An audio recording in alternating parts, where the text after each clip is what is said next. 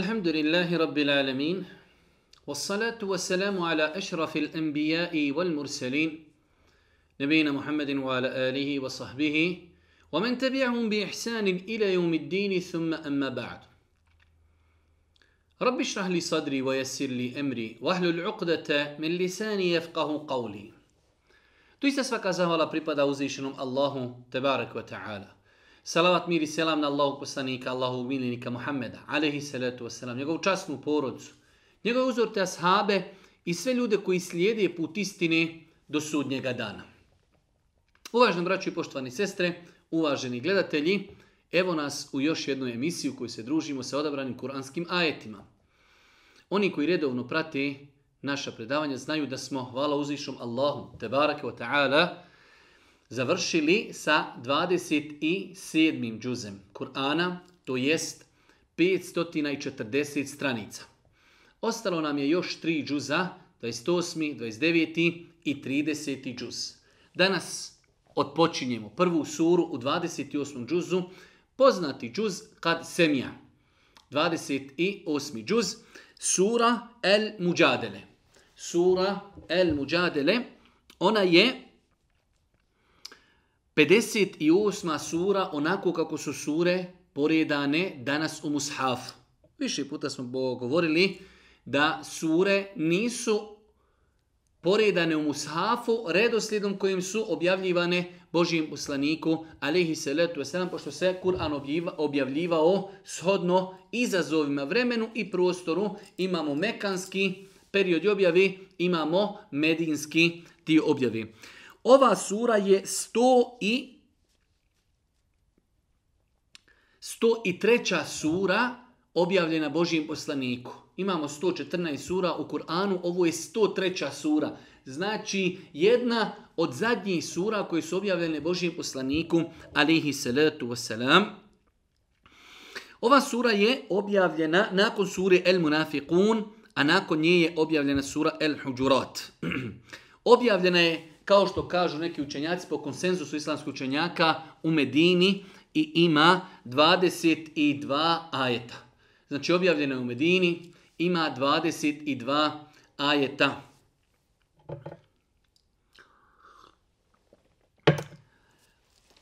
Najrasprostranjenije ime ove sure jeste sura El Mujadele.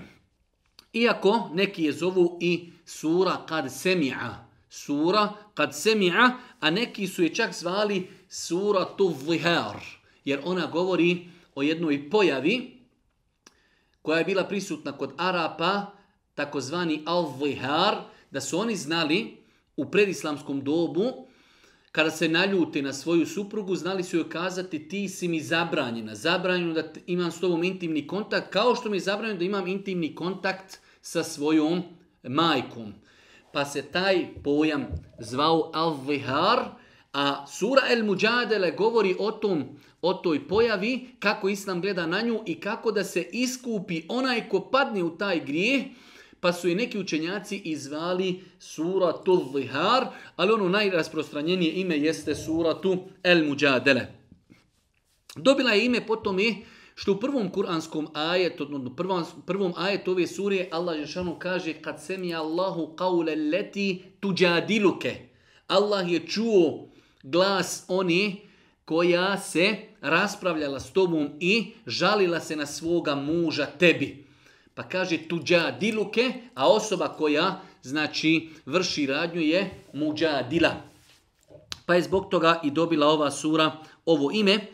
E, ono što je interesantno spomenuti prije nego počnemo komentarisati odabra ajete ove sure jeste da je ovo jedina sura u Kur'anu u svakom ajetu ove sure imamo Allahovo subhanu, wa ta'ala ime Allah.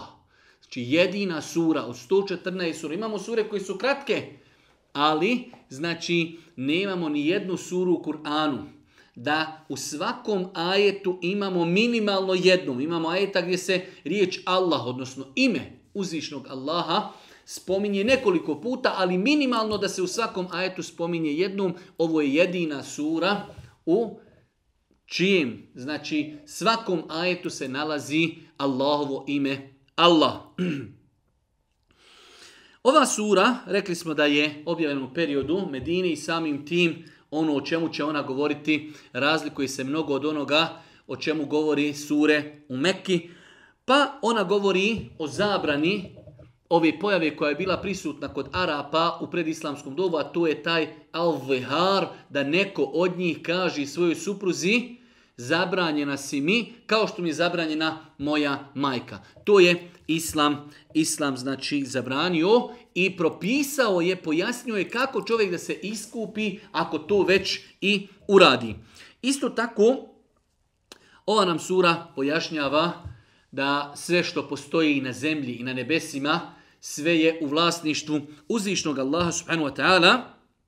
Isto tako Allah Đeršanu u ovoj suri govori o svojstvima licemjera, a jedno od njihovih svojstava jeste da su imali običaj da ustrašuju i zaplašuju muslimane na način kada bi vidjeli e, licemjeri kada bi vidjeli muslimane, oni bi se međusobno sašaptavali, znači kako bi jednostavno na taj način zastrašivali, zastrašivali muslimane.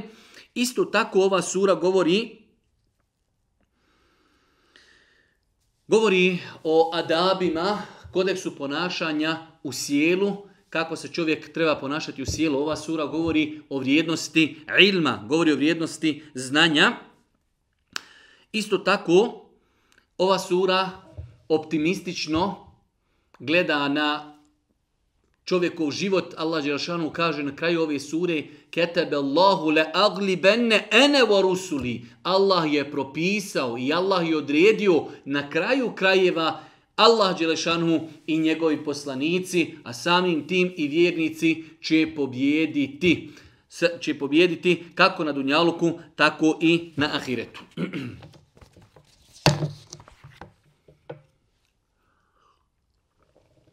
U prvom ajetu ove sure, El Mujadele, uzvišeni Allah subhanahu wa ta'ala kaže Kad semi Allahu, kad semi Allahu qawla leti tujadiluka fi zawjiha. wa tešteki ila Allah, Wallahu jesme'u tahawurakuma inna Allahe semi'un basir.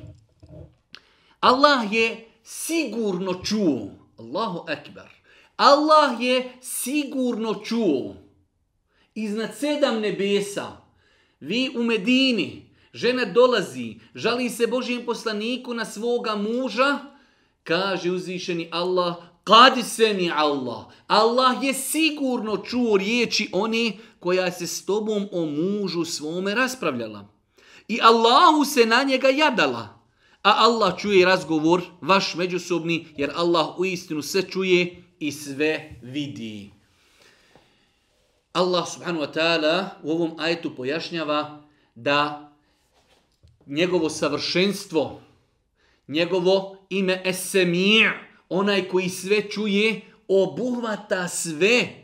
Obuhvata sve do te mjeri. A Iša Allahu ta'ala kaže za ovu ženu kada je došla da se žali Božijem poslaniku na svoga muža, bila je u Aišinoj sobici. Aišina sobica je 2 metra sa 3 ili 2 sa 2. Kaže Aisha, ja je čujem neke riječi koje govori poslaniku, a neke ne čujem.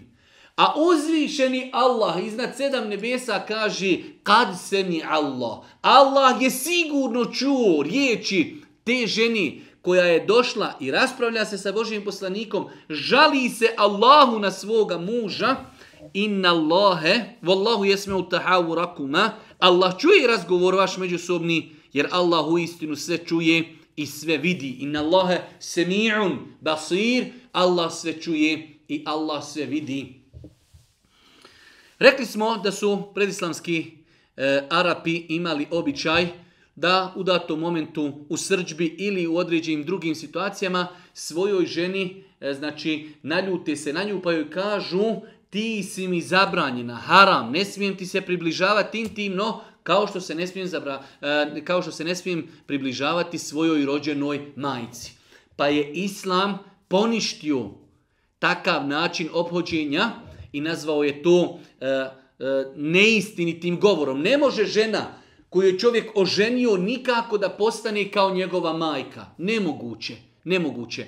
Čovjeku je zabranjeno da ima bilo kakav intimni kontakt sa svojom majkom, ali svoju suprugu on je oženio i ona samim tim je postala halal da ima, dopušteno mu je da ima sa njom intimni kontakt. Pa ćemo vidjeti kako je Islam riješio ovo pitanje. Nećemo se mnogo zadržavati, osim kod određenih stvari koji su nama bitne. Hvala Allahu, našem podneblju nije poznata ovakva pojava, ali ćemo spomenuti neke stvari koje su nam bitne e, kao savršenstvo Islama. Kaže uzvišeni Allah, oni od vas koji ženama svojima reknu da im nisu više dopuštene, kao što im nisu dopuštene majke njihove. A one nisu majke njihove. Majke njihove su one samo koje su ih rodile. Oni zaista govore ružne riječi i neistinu. Kada neko kaže svojoj supruzi da je ona njemu zabranjena, haram, kao što mu je zabrani njegova majka, kaže uzvišeni Allah subhanahu wa ta'ala, innahum la yakulune munkera min zura, oni govori ružne riječi i neistinu. Nemoguće je da supruga čovjeku bude kao njegova majka, a Allah sigurno briše grijehe i prašta. Neko od vas je to rekao, Allah Želšanu će primiti njegovo pokajanje ako sati grešku i ako se pokaje uzvišenom Allahom konstatacija prvi ajet govori da je to neispravno. Da je to lažni govor. Nakon toga propis kaže uzvišeni Allah. Oni koji ženama svojim reknu da im nisu dopuštene, kao što im nisu dopuštene majke njihove, a onda odluče da s njima nastave živjeti, dužni su prije nego što jedni drugo dodirnu, da jednog groba robstva oslobodi. To vam se naređuje, a Allah dobro zna ono što vi radite. Prvi stepin, znači čovjek je rekao svojoj supruzi da mu je zabranjena za intimni kontakt, kao što mu je zabranjena njegova majka, i shvati da je pogriješio, ima u islamu iskup za grijeh. A pogledajte, subhanallah il Avim kako je islam plemeniti savršen. Na mnogo mjesta u islamu čovjek napravi prekršaj, iskup za taj prekršaj oslobodi roba, nahrani siromaha, posti i tako dalje. Kako je islam plemenit? Nije rečeno uzmi štab i udari se 50 puta po leđima ili po glavi ili po ruci. Ne. Islam je društvena vjera. Oslobodi roba. U to vrijeme je bilo mnogo čestitih, moralnih ljudi koji su bili u robstvu. Da bi ti se iskupio za svoj prekršaj, sa tim nema veze nikakav taj rob, ali Islam podstiče na oslobađanje robova. podstiče na post, postići na, na nahranjivanje siromaha. Pa pogledajte kako je islam lijep i savršen. Danas imamo, nažalost, zalutalu sektu, rafidije, šije, koji jedan dan u godini imaju kada oni ispoljavaju svoju tugu, pa se cijeli dan lancima udaraju i sabljama po glavi i po leđima. Pogledajte kako je islam savršen, potpun i lijep. Napravio si prekršaj. Rekao si svojoj supruzi da ti je ona haram. Kao što ti je haram tvoja majka, to je grijeh. To je prekršaj. Odlučio si da živiš sa njom, dobro. Imamo iskup. Iskup je da oslobodiš jednog roba. Allahu ekber. Kako je islam lijepa i plementa vjera. Dobro, evo danas nemamo robova. I u to vrijeme bilo je ljudi koji ne mogu roba otkupiti. Rob u to vrijeme je kao danas, možemo reći, ko neko auto, vrijednost, nešto vrijedno, nije svako mogao otkupiti roba. Pa kaže uzvišeni Allah. Onaj koji ne nađi, ne mogne otkupiti roba, dužan je da dva mjeseca, mjeseca posti uzastopno. Prije nego jedno, drugo dodirnu. Druga stepenca, kako se iskupiti? Prvo, roba osloboditi Ne mogu postiti dva mjeseca, ali kako? Neprekidno. Čovjek kad je postio 50 dana, Kaže, umorio sam se dva dana ću odmoriti. Ništa. Ako se odmori, mora početi iz početka. 60 dana, odnosno ne mora znači 60 dana, pošto u islamu mjesec može biti 29 dana ili 30 dana, ali dva mjeseca neprekidno postit. Da se odgojimo, postim dva mjeseca uzastopno jer nisam kontrolisao svoj jezik. Rekao sam svojoj supruzi da mi je ona haram, kao što mi je haram moja majka. Pa Islam koriguje. Sad ćeš postiti 60 dana uzastopno da se odgojiš. Aha, može se desiti da je čovjek bolestan. Ostario. Ne može to ispuniti. Imamo i dalje, kaže uzvišeni Allah subhanahu a onaj ko ne može, dužan je da 60 ciromaha nahrani, zato da biste potvrdili da u Allaha i poslanika njegova vjeruje. To su vam Allahovi propisi, a nevjernike četnja čeka patnja nesnosna oslobađanje roba ne mogu. Posti 60, posti e, e, dva mjeseca, šehrajni mu tabi ajni, dva mjeseca uzastopno, ne mogu, bolestan, ostario, hrani 60, na hrani 60 siromaha. To, to može, ako Bog da, svako kaže uzvišeni Allah subhanahu wa ta'ala, zato da biste potvrdili do Allaha i poslanika njegovog vjerujete. Aha, da bi potvrdio da ti vjeruješ u Allaha. Mi danas dosta puta imamo slučajeve ljudi, ja vjerujem, ja vjerujem. Dobro, gdje potvrdi da vjeruješ u Allaha. Ideš li u džamiju, nosiš li mahramu, činiš li grijehe, daješ li zekijat, post, Nima ništa. Pa gdje je potvrda? Kako potvrđujemo? Pa kaže uzvišeni Allah subhanu wa ta'ala ذَلِكَ لِتُؤْمِنُوا بِاللَّهِ وَرَسُولِهِ tilke hududu اللَّهِ zato da biste potvrdili da u Allaha i poslanika njegove vjerujete. To su vam Allahu propisi, a nevjernike čeka, nevjernike četa, čeka patnja nesnosna. Pa znači, e, Islam je i tekako posvetio mnogo pažnje društvenim pojavama. U to vrijeme bila pojava da su ljudi u afektu znali svojoj supruzi kazati ti si mi haram pa je to prvo islam negirao. Ne može tvoja supruga s kojom si stupio u brak nikako da bude kod tvoja majka. Tvoja majka je tebi apsolutno zabranjena dok si živ, ali tvoja supruga nema sa tim nikakve vezi. Pa prvo Islam to negira, Islam to zabranjuje, nakon toga ako je neko već uradio, Islam mu daje mogućnost da se iskupi prije nego počne imati intimni kontakt sa svojom suprugom, pa mu naređuje da oslobodi roba, ako ne može, nema mogućnosti, da posti dva mjeseca uzastopno, da se odgoji njegova duša, nakon toga ako to ne može, da nahrani 60 siromaha, da bi potvrdio, da bi dokazao da vjeruje u Allaha subhanahu wa ta'ala i njegovog poslanika alihi salatu salam. Nakon toga, nakon što je uzvišen Allah subhanahu wa ta'ala pojasnio propise za ovo pitanje, prelazi na govor onima koji su nepokorni uzvišenom Allahu pa kaže innal alladhine yuhaduna Allaha wa rasulahu kubitu kama kubita alladhina min qablihim wa qad anzalna ayatin bayyinat wa lil kafirina azabun muhin يوم Allahu jami'an fayunabbihum bima amilu عملوا Allah wa nasuhu wallahu ala kulli shay'in shahid Oni koji su neposlušni Allahu i poslaniku. Kako su neposlušni? rade ono što je zabranjeno. Ne rade ono što je naređeno. Oni koji su neposlušni Allahu i poslaniku njegovu, bit će osramoćeni. Kao što su bili osramoćeni oni prije njih.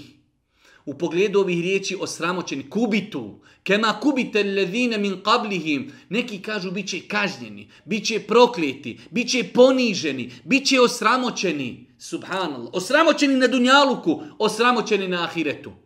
Oni koji su neposlušni Allahu i poslaniku njegovu, bit će osramoćeni. Kao što su bili osramoćeni oni prije njih. Mi objavljujemo jasne dokaze, a nevjernike čeka sramna patnja. Na dan kada ih Allah sve oživi, pa ih obavijesti o onome što su radili. Allah je o tome račun sveo. Allah je to zapisao, Allah je to prebrojao, a oni su to zaboravili. Allah je svemu svjedok. Ovaj šesti ajeti sure El Mujadele doista zaslužuje da se kod njega dobro zaustavimo. Jeume jeba'athuhumullahu džemi'an. Na sudnjem danu to je dan kada će ih Allah sve proživjeti. Prva stvar, mi muslimani vjerujemo da ćemo biti proživljeni, da ćemo umrijeti, zakopani, kabur, i biti proživljeni za polaganje računa. Jeume jebe'athuhumullahu djemi'an. Dan kada će ih Allah sve proživjeti. Nemoj da se poigravamo, u nas je uvijek, pa možda će i na mene zaboraviti, možda ću ja ostati, možda ću se ja spasiti, možda, možda. Pripremaj se za dan polaganja računa. Jeume jebe'athuhumullahu djemi'an. Fejunebi'uhum bima amilu, pa će ih Allah obavijestiti o onome šta su radili. Ko je dobro, vidjet će. Ko je uradio zlo, vidjet će. Fejunebi'uhum bima amilu. Ahsahu Allahu wa Allahu akbar. Allah je to sačuvao, zapisao, pohranio. Ahsahu Allahu wa nesuh. Allah je to prebrojao evidentirao, NSU a oni su na to zaboravili. Uradiš grijeh u svojoj 19. godini do 40. godini, sto puta ga zaboraviš. Nisu ga zaboravili meleki. Nije ga zaboravio uzvišeni Allah. Nije ga zaboravilo tvoje tijelo. Nije ga zaboravila zemlja po kojoj hodiš. Svi će oni svjedočiti protiv tebe na sudnjem danu. Ovaj ajet je tako tako e, ostavlja velikog traga na insana, zastrašuje. Ahsahu wanesu. Allah je to prebrojao, zapamtio, zapisao, evidentirao. Wanesu. Oni su to zaboravili. Wallahu bi kulli šehid, a Allah je svjedok svemu. Ne možeš ništa uraditi, a da te Allah ne vidi da ne čuje, da ne zna za tebe i da se to sve ne evidentira, a sve zato ćeš polagati račune. Ajet koji odgaja čovjeka. O insanu, o Allahov robe, bit ćeš proživljen. O Allahov robe, bit ćeš obaviješten onome što si radio. O Allahov robe, Allah je sve zapisao, sve evidentirao, sve prebrojao a ti si to možda i zaboravio, znaj da Allah svjedoči sve ono što ste vi radili na Dunjaluku. Pa nas ovaj ajet odgaja, podstiči, da budemo pokorni, da pazimo, da se pripremamo šta se upisuje u naš životni defter. Mi muslimani vjerujemo da imaju dva meleka koji nas neprestano prate u našem životu i zapisuju naša dobra i loša djela krupna ili sitna. Pa se insan treba paziti i pripremati za dan polaganja računa. Nakon toga, uzvišnji Allah s.a. počinje govoriti u ovoj suri o jednoj temi, a to je za vrijeme božjih poslanika, ali se letu sela muslimani, kada su došli u Medinu, u Medini je bilo nekoliko plemena židovskih, pa su oni imali jednu metodu čudnu, interesantnu, putem koje su željeli da zastraši muslimane, da ih, u, da ih učine da se ne mogu opustiti, da ih zastrašuju i tako dalje. U čemu se radi? Kada bi naišao musliman, oni bi se zajedno okupili i kao da se došaptavaju, kao da će mu nešto nauditi. Subhanallah, pogledaj, ne da ti da živiš normalno, ne da ti da se opustiš, ti kada ideš ulicom, oni se strkaju zajedno da ti ne čuješ i kao oni se nešto došaptavaju, a insan ko insan dok vidiš da ljudi se nešto došaptavaju, nešto o tebi kriju, nešto mogu da ti nešto naudi. Pa je uzvišeni Allah subhanahu zabranio takav način ponašanja, takav način zastrašivanja vjernika. Pa je o tome mnogo ajeta objavljeno u suri El Muđadele. Kaže uzvišeni Allah,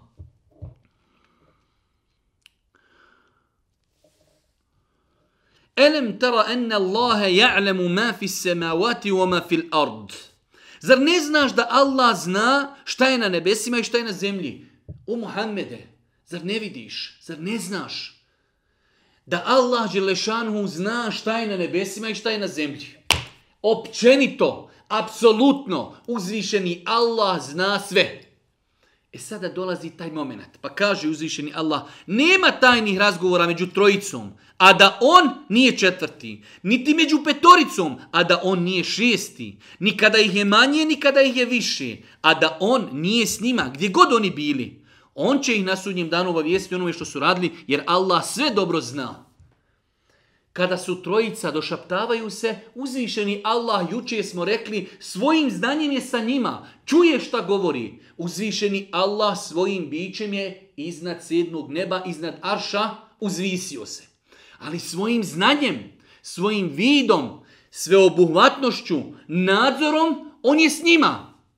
Bilo ih malo, bilo ih puno. Ovdje je naveden primjer broja tri i broja pet, Ali bilo manje ili više, uzvišeni Allah vidi, uzvišeni Allah čuje, bez obzira što se ljudi došaptavaju, Allah čuje. Allah zna šta ti je u srcu, Allah zna šta ti u mislima, a da ne zna ono što govori kada čovjek tiho govori. Pa kaže uzvišeni Allah. Nema tajnih razgovora među trojicom, a da on, Allah, nije četvrti niti među petoricom, a da on nije šesti. Nikada ih je manje, nikada ih je više, a da on nije s njima gdje god oni bili. On će ih na sudnjem danu obavijesti onome što su radili. Doći ćete na sudnji dan, pa će vas on obavijesti onome što ste se došaptavali i ono što ste radili. Zašto? Wallahu, inna Allahe bi kulli alim. Doista Allah sve zna. Odmori se u životu. Uživaj u životu. Spoznaj činjenicu da Allah sve zna. Ako radiš dobra djela, ljudi to ne vidi, a radiš i radi Allaha, pusti, uživaj. Zna uzvišeni Allah. Zna on šta je u tom srcu da ti to radiš radi Allaha. Ljudi nisu vidjeli, nisu te uslikali, nisu te pohvalili, nisu te priznali, nisu te uvažavali. Pusti. Inna Allahe bi kulli in alim. Allah sve zna. Zna ko te voli, a zna ko te mrzi. Zna ko je licemiran prema tebi. Zna ko ti želi uspjeh u životu. Zna ko se raduje tvome padu i tvome neuspjehu. Zna. Zato se prepusti uzvišenom Allahu. Pa nastavlja uzvišeni Allah subhanahu wa ta'ala. Zar ne vidiš oni kojima je zabranjeno da se šap, sašaptavaju kako se vraćaju onome što im je zabranjeno i sašaptavaju se o grijehu i neprijateljstvu i neposlušnosti prema poslaniku. Kaže, zar i ne vidiš? Mi smo im već jednom zabranili, pa se oni ponovo vraćaju do šaptavanju, zastrašivanju muslimana i došaptavaju se o grijesima, o neprijateljstvu i nepokornosti Allahovom poslaniku, alihi salatu wasalam. Kada ti dolazi, ko? Nemuslimani. Kada ti dolaze židovi, pozdravljaju te onako kako te Allah nikada nije pozdravio. I među sobom govori. Poslaniku su znali doći židovi tog vremena pa mu kažu Esamu alik. Pazite, to neko na prvi pogled će reći Eselamu alik. Nema ovdje eselamu. Esamu. Smrt. Esam je otrov. Smrt. Esamu alejk, smrt tebi Muhammede. Pogledajte te pokvarenosti. Ne možeš čovjeku reći Assalamu alejk. Esamu alejk, smrt tebi o Muhammede. Jedne prilike ih je čula Aisha radijallahu ta'an kako poslaniku nazivaju takav selam, takav pozdrav, pa je skočila, pa se naljutila, počela ih vrijeđat. Kaže Allah poslanik, Aisha, polako, lagano, smiri se. Blago, Allah voli blagost u svemu. Pa kaže, Allah poslaniče, jesi čuo šta su ti rekli? Jesam, kaže, čuo sam. Ja sam njima odgovorio, wa alaikum, i vama. Ono, ako vi meni kažete selamu alaikum, ja kažem i vama. Ako vi kažete meni smrt tebi Muhammede, i vama smrt. Mirna Bosna. Njihova dova se neće ispuniti, a moja protiv njih hoće.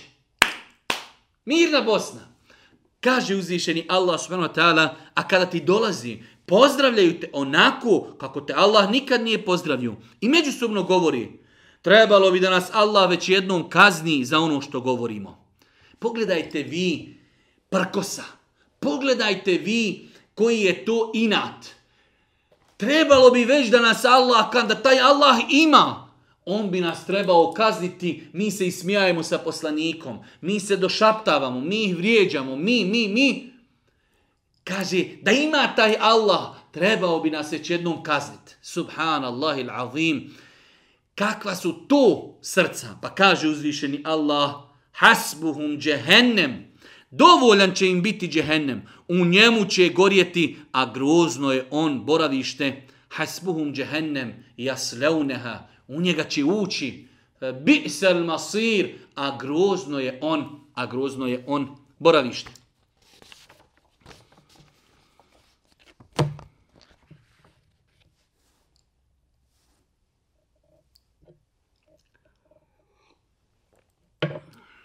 Nakon toga, uzvišnji Allah s.w.t. obraća se vjernicima.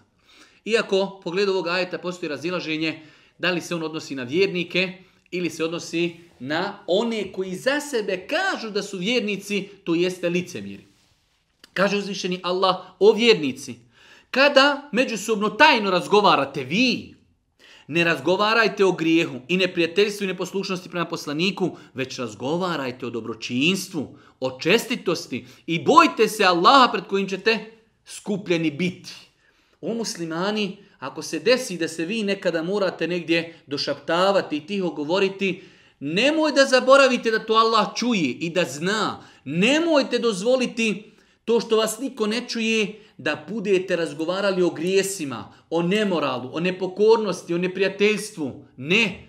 Vi se došaptavajte o dobročinstvu, o dobrim namjerama, o činjenju dobrih dijela, o pokornosti uzvišenom Allahu subhanahu wa ta'ala. O vjernici, kada među sobom tajno razgovarajte, ne razgovarajte o grijehu i neprijateljstvu i neposlušnosti prema poslaniku, već razgovarajte o dobročinstvu, i bogobojaznosti i bojte se Allaha pred kojim ćete biti svi okupljeni. Napominje ih Allah, bojte se Allaha jer pred njim ćete biti svi okupljeni i svi ćete pred njim račune polagati.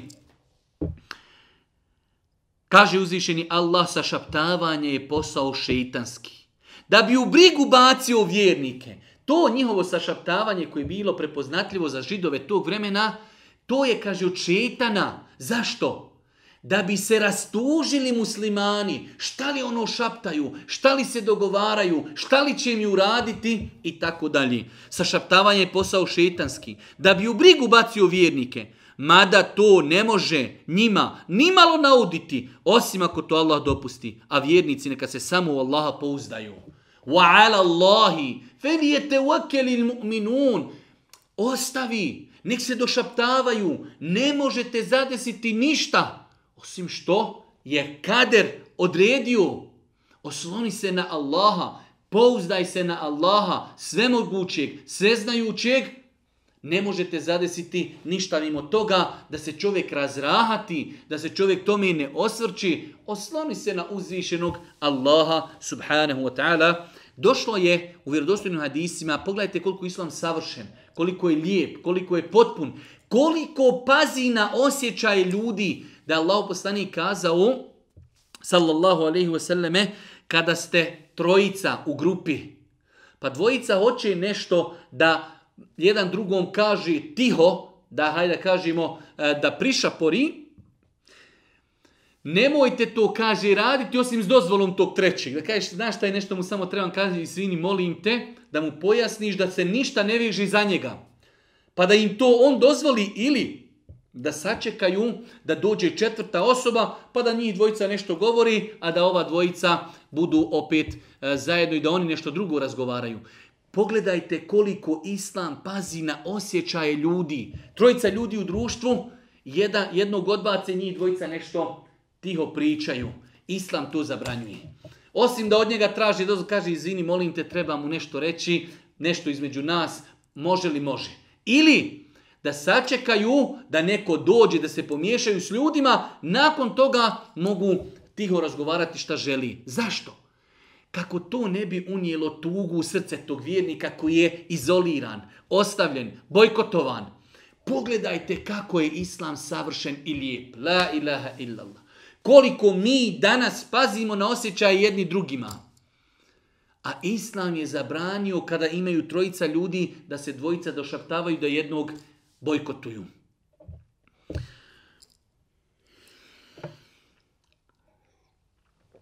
Nakon toga, uzviši Allah s.w.t. podučava vjernike kako da se ponašaju kada budu u nekom naučnom skupu.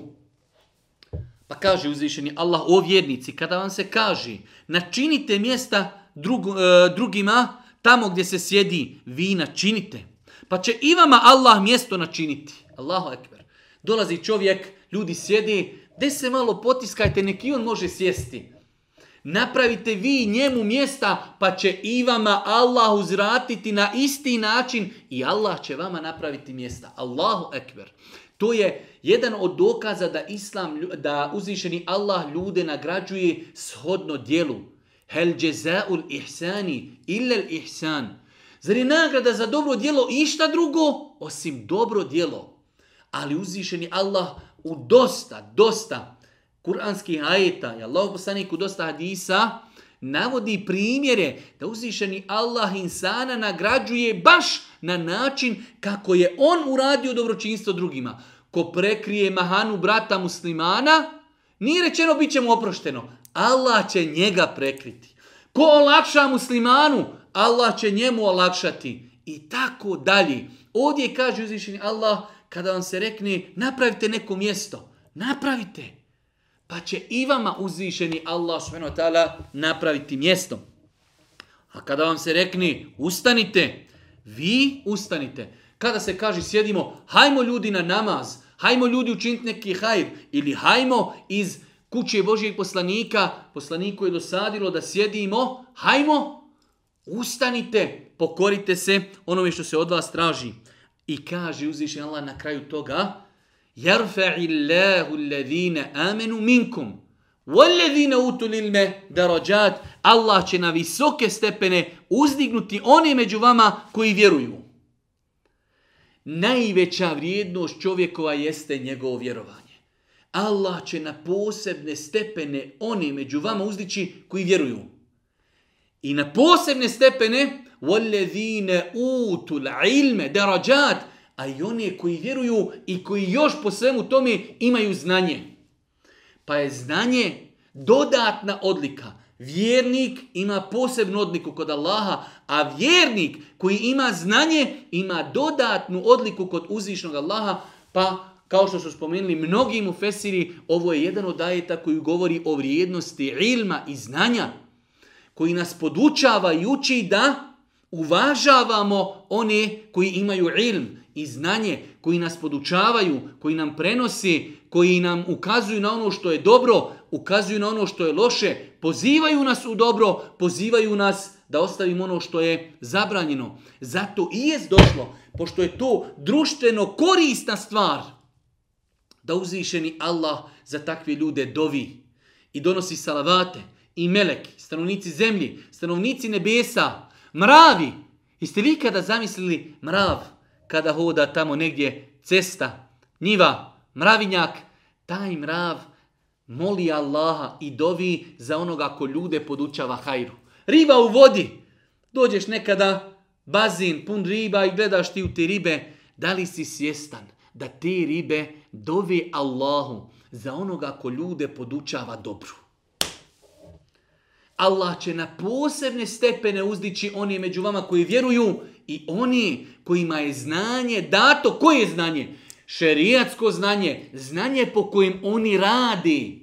Nažalost, velik broj nas danas ima jedan problem kada mu citiraš neki propis, kaže, a kako onaj ne radi po tome? Ja sam vidio onoga da ne radi po tome. Znanje može biti dokaz za insana i protiv insana. Najbolje znanje je ono znanje koje odgoji čovjeka, učine ga poniznim. On ga praktikuje, to je najbolje znanje. Allah poslanik ali se letu sram uticao se od srca koje nije skrušeno. Uticao se Allahu od znanja koje ne donosi čovjeku nikakvu korist.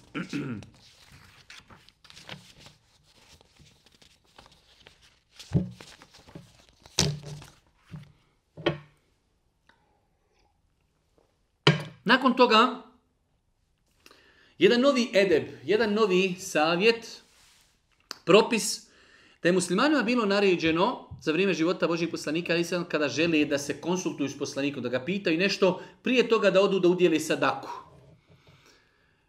Pa je ubrzo taj propis i derogiran, ali je ajet ostao takav u Kur'anu kao pouka nama. Pa kaže uzvišeni Allah u vjernici.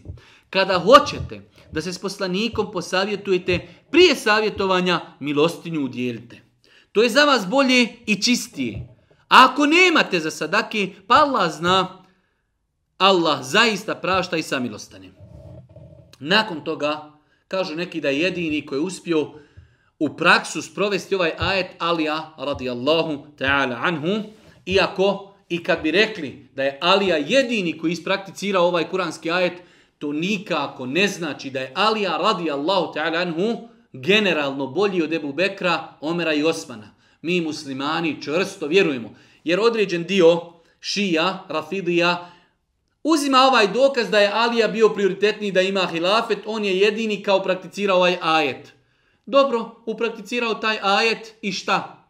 Ostaje njemu njegova vrijednost, ali da je samo zbog toga vrijednio od Ebu Bekra i Omera i Osmana, ne mi muslimani, ahli sunneta, vjerujemo da je raspored i redoslijed halifa onako kako je bio.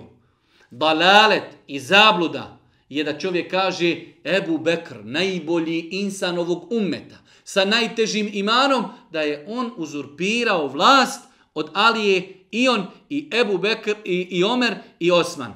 To je zulum i nepravda. Osoba, koju tak, osoba koja kaže takvu stvar, to je znači toliki dalalet, toliki grijeh.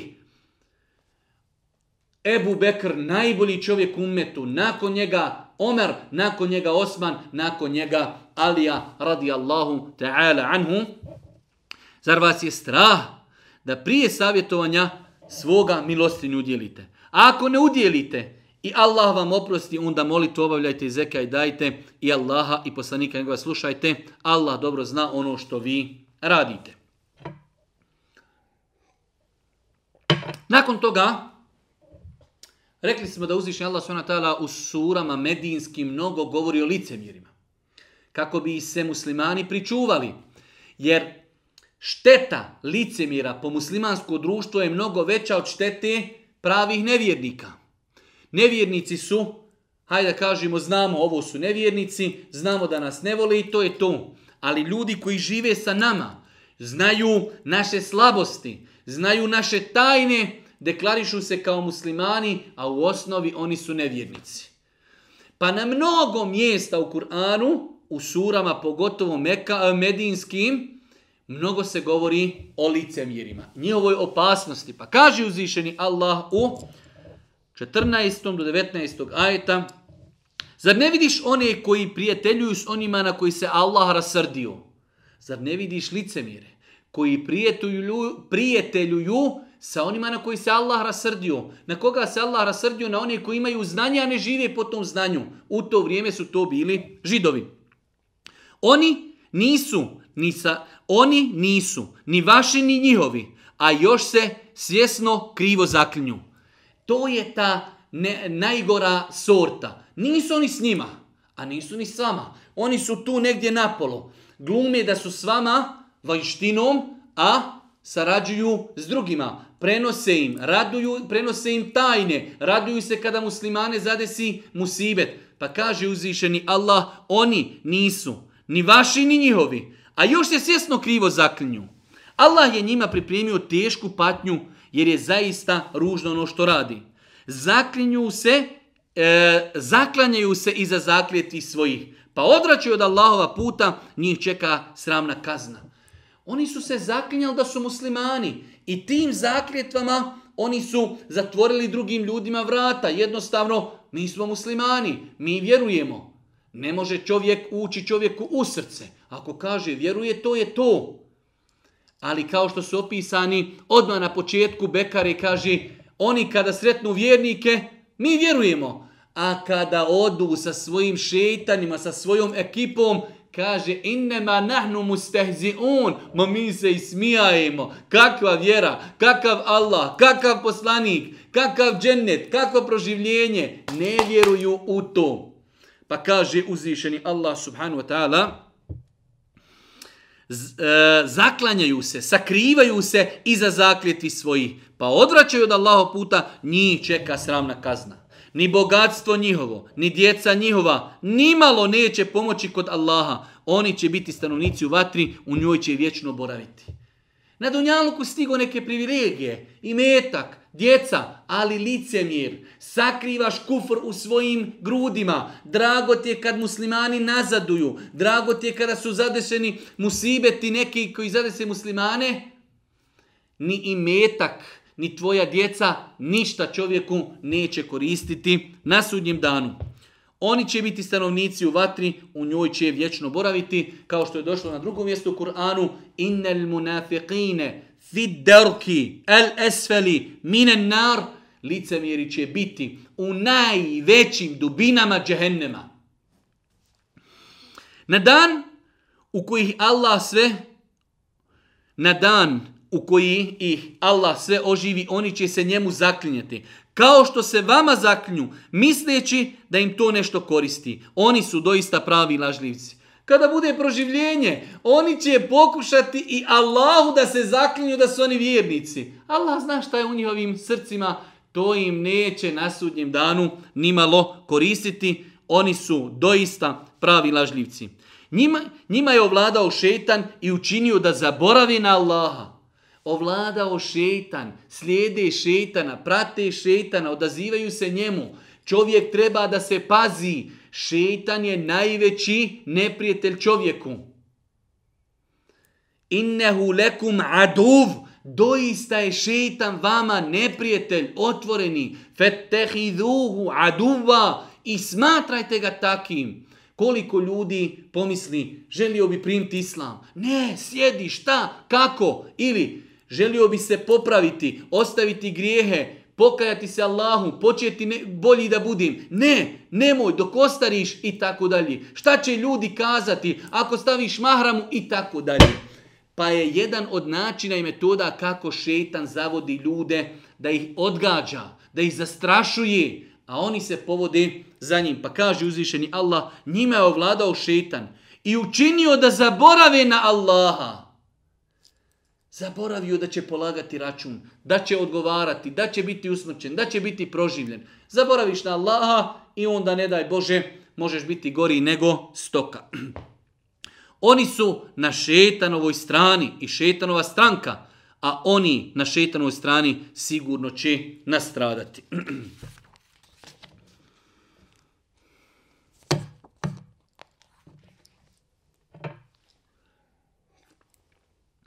Nakon toga, posljednja tri ajeta u suri, u suri El Mujadele, kaže uzvišeni Allah, oni koji se suprostavljaju Allahu i poslaniku, njegovu bit će sigurno najgore poniženi. Opet, Allah Đelšanu potvrđuje, Inna alladhina yuhadun Allaha wa rasulahu ulaika hil Oni koji su nepokorni, oni koji ne vjeruju, oni će biti najviše poniženi.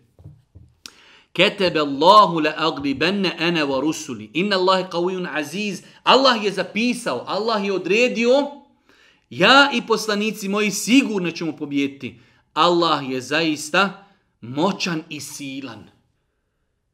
El aqibatu lil muttaqin. Završnica, kraj uvijek pripada vjernicima. Vjernici su uvijek na dubitku. Može se desiti, veoma je bitno da ispravno shvatimo ove ajete, može se desiti da muslimani u datom vremenu, kao što je sada vrijeme, prolaze kroz jedan težak period, ali historijski gledano, dugoročno gledano, muslimani pobjeđuju, Islam pobjeđuje. Allah kaže, ketebe Allahu, Allah je odredio, ne može biti drugačije. Le aglibenne ene wa rusuli ja i poslanici moji mi ćemo pobjediti. Inna Allahe qawiyun aziz. Allah je jak, Allah je moćan. Ali može se desiti u svemu tome da muslimani prolazi kroz jedan težak period, ali će uzvišeni Allah i njegova vjera sigurno biti dominantna. Kao što je došlo u drugim ajetima, da Allah kaže oni žele ustima svojim da utrnu Allahovo svjetlo. Allah će dati da njegovo svjetlo sija, makar to ne bilo po volji mušicima i nevjernicima. Kaže uzvišeni Allah, ne treba da ljudi koji u Allaha i onaj svijet vjeruju budu u ljubavi sa onima koji se Allahu i poslaniku njegovu suprostavljaju. Makar im oni bili očevi njihovi i braća njihova i rođaci njihovi. Ovdje nam uzvišeni Allah govori da je veza islama jača nego veza krvna. I to se najbolje manifestiralo za vrijeme Božih poslanika, alihi salatu wasalam, kada su ljudi, i bilo je ashaba koji su primili islam, koji su robovi, koji su bili iz Perzije, koji su bili rimljani, ali su ih ljudi, Bilal radijallahu ta'ala iz Habeše, ali su ih ljudi voljeli više nego što su voljeli svoje rođake koji nisu prihvatili vjeru Islam. Zašto? Jer najveći grijeh koji insan može urati jeste kufr, nevjerstvo. A najveće dobro djelo jeste iman i vjerovanje. Pa ljudi zbog toga vole i zbog toga, i zbog toga preziru. on je, on je njima u srca njihova vjerovanja usadio i svjetlom svojih im osnažio. Ko? Ovi koji ljude vole radi uzvišenog Allaha subhanahu wa ta'ala. Njima je on uzvišeni Allah. Srca njihova vjerovanje u srca njihova usadio i svjetlom svojih osnažio. A on će ih uvesti u džennetske baše kroz koje će rijeke teći da u njima vječno ostanu. Allah je njima zadovoljan, a i oni će biti zadovoljni njime oni su na Allahovoj strani, a oni na Allahovoj strani sigurno će uspjeti. Allahu ekber. Kraj ovog ajeta kaže uzvišeni Allah Ulaike hizbullah, ela inna hizballahi humul muflihun. Onaj koji je na Allahovoj strani, onaj koji je u svom životu stavio da mu je Allahov hatar, naj, najbitniji, Allahovi propisi, Allahov Eh, Allahov hatar, ono što je zabranjeno ostavljam, ono što je naređeno praktikujem. Ulaike hizbullah, ela inna hizballahi humul muflihun. Oni koji budu na Allahovoj strani, to su pravi, pravi pobjednici i oni će uspjeti i na Dunjalku i na Ahiretu. Molim uzvišnog Allah subhanahu da nas učesti na putu istini. Molim ga subhanahu da nam bude milostiv na sudnjem danu. Molim ga subhanahu da nama i našoj djeci pokaže put istine i da nam olakša prakticiranje istine, a da nam pokaže put neistine, da je to put neistine i da nam omrazi njegovo slijedjenje. Na kraju, subhaneke, Allahumma ve bihamdike, ešhedu en la ilaha ilan stakfiruke, wa etubu ilaik. Ah.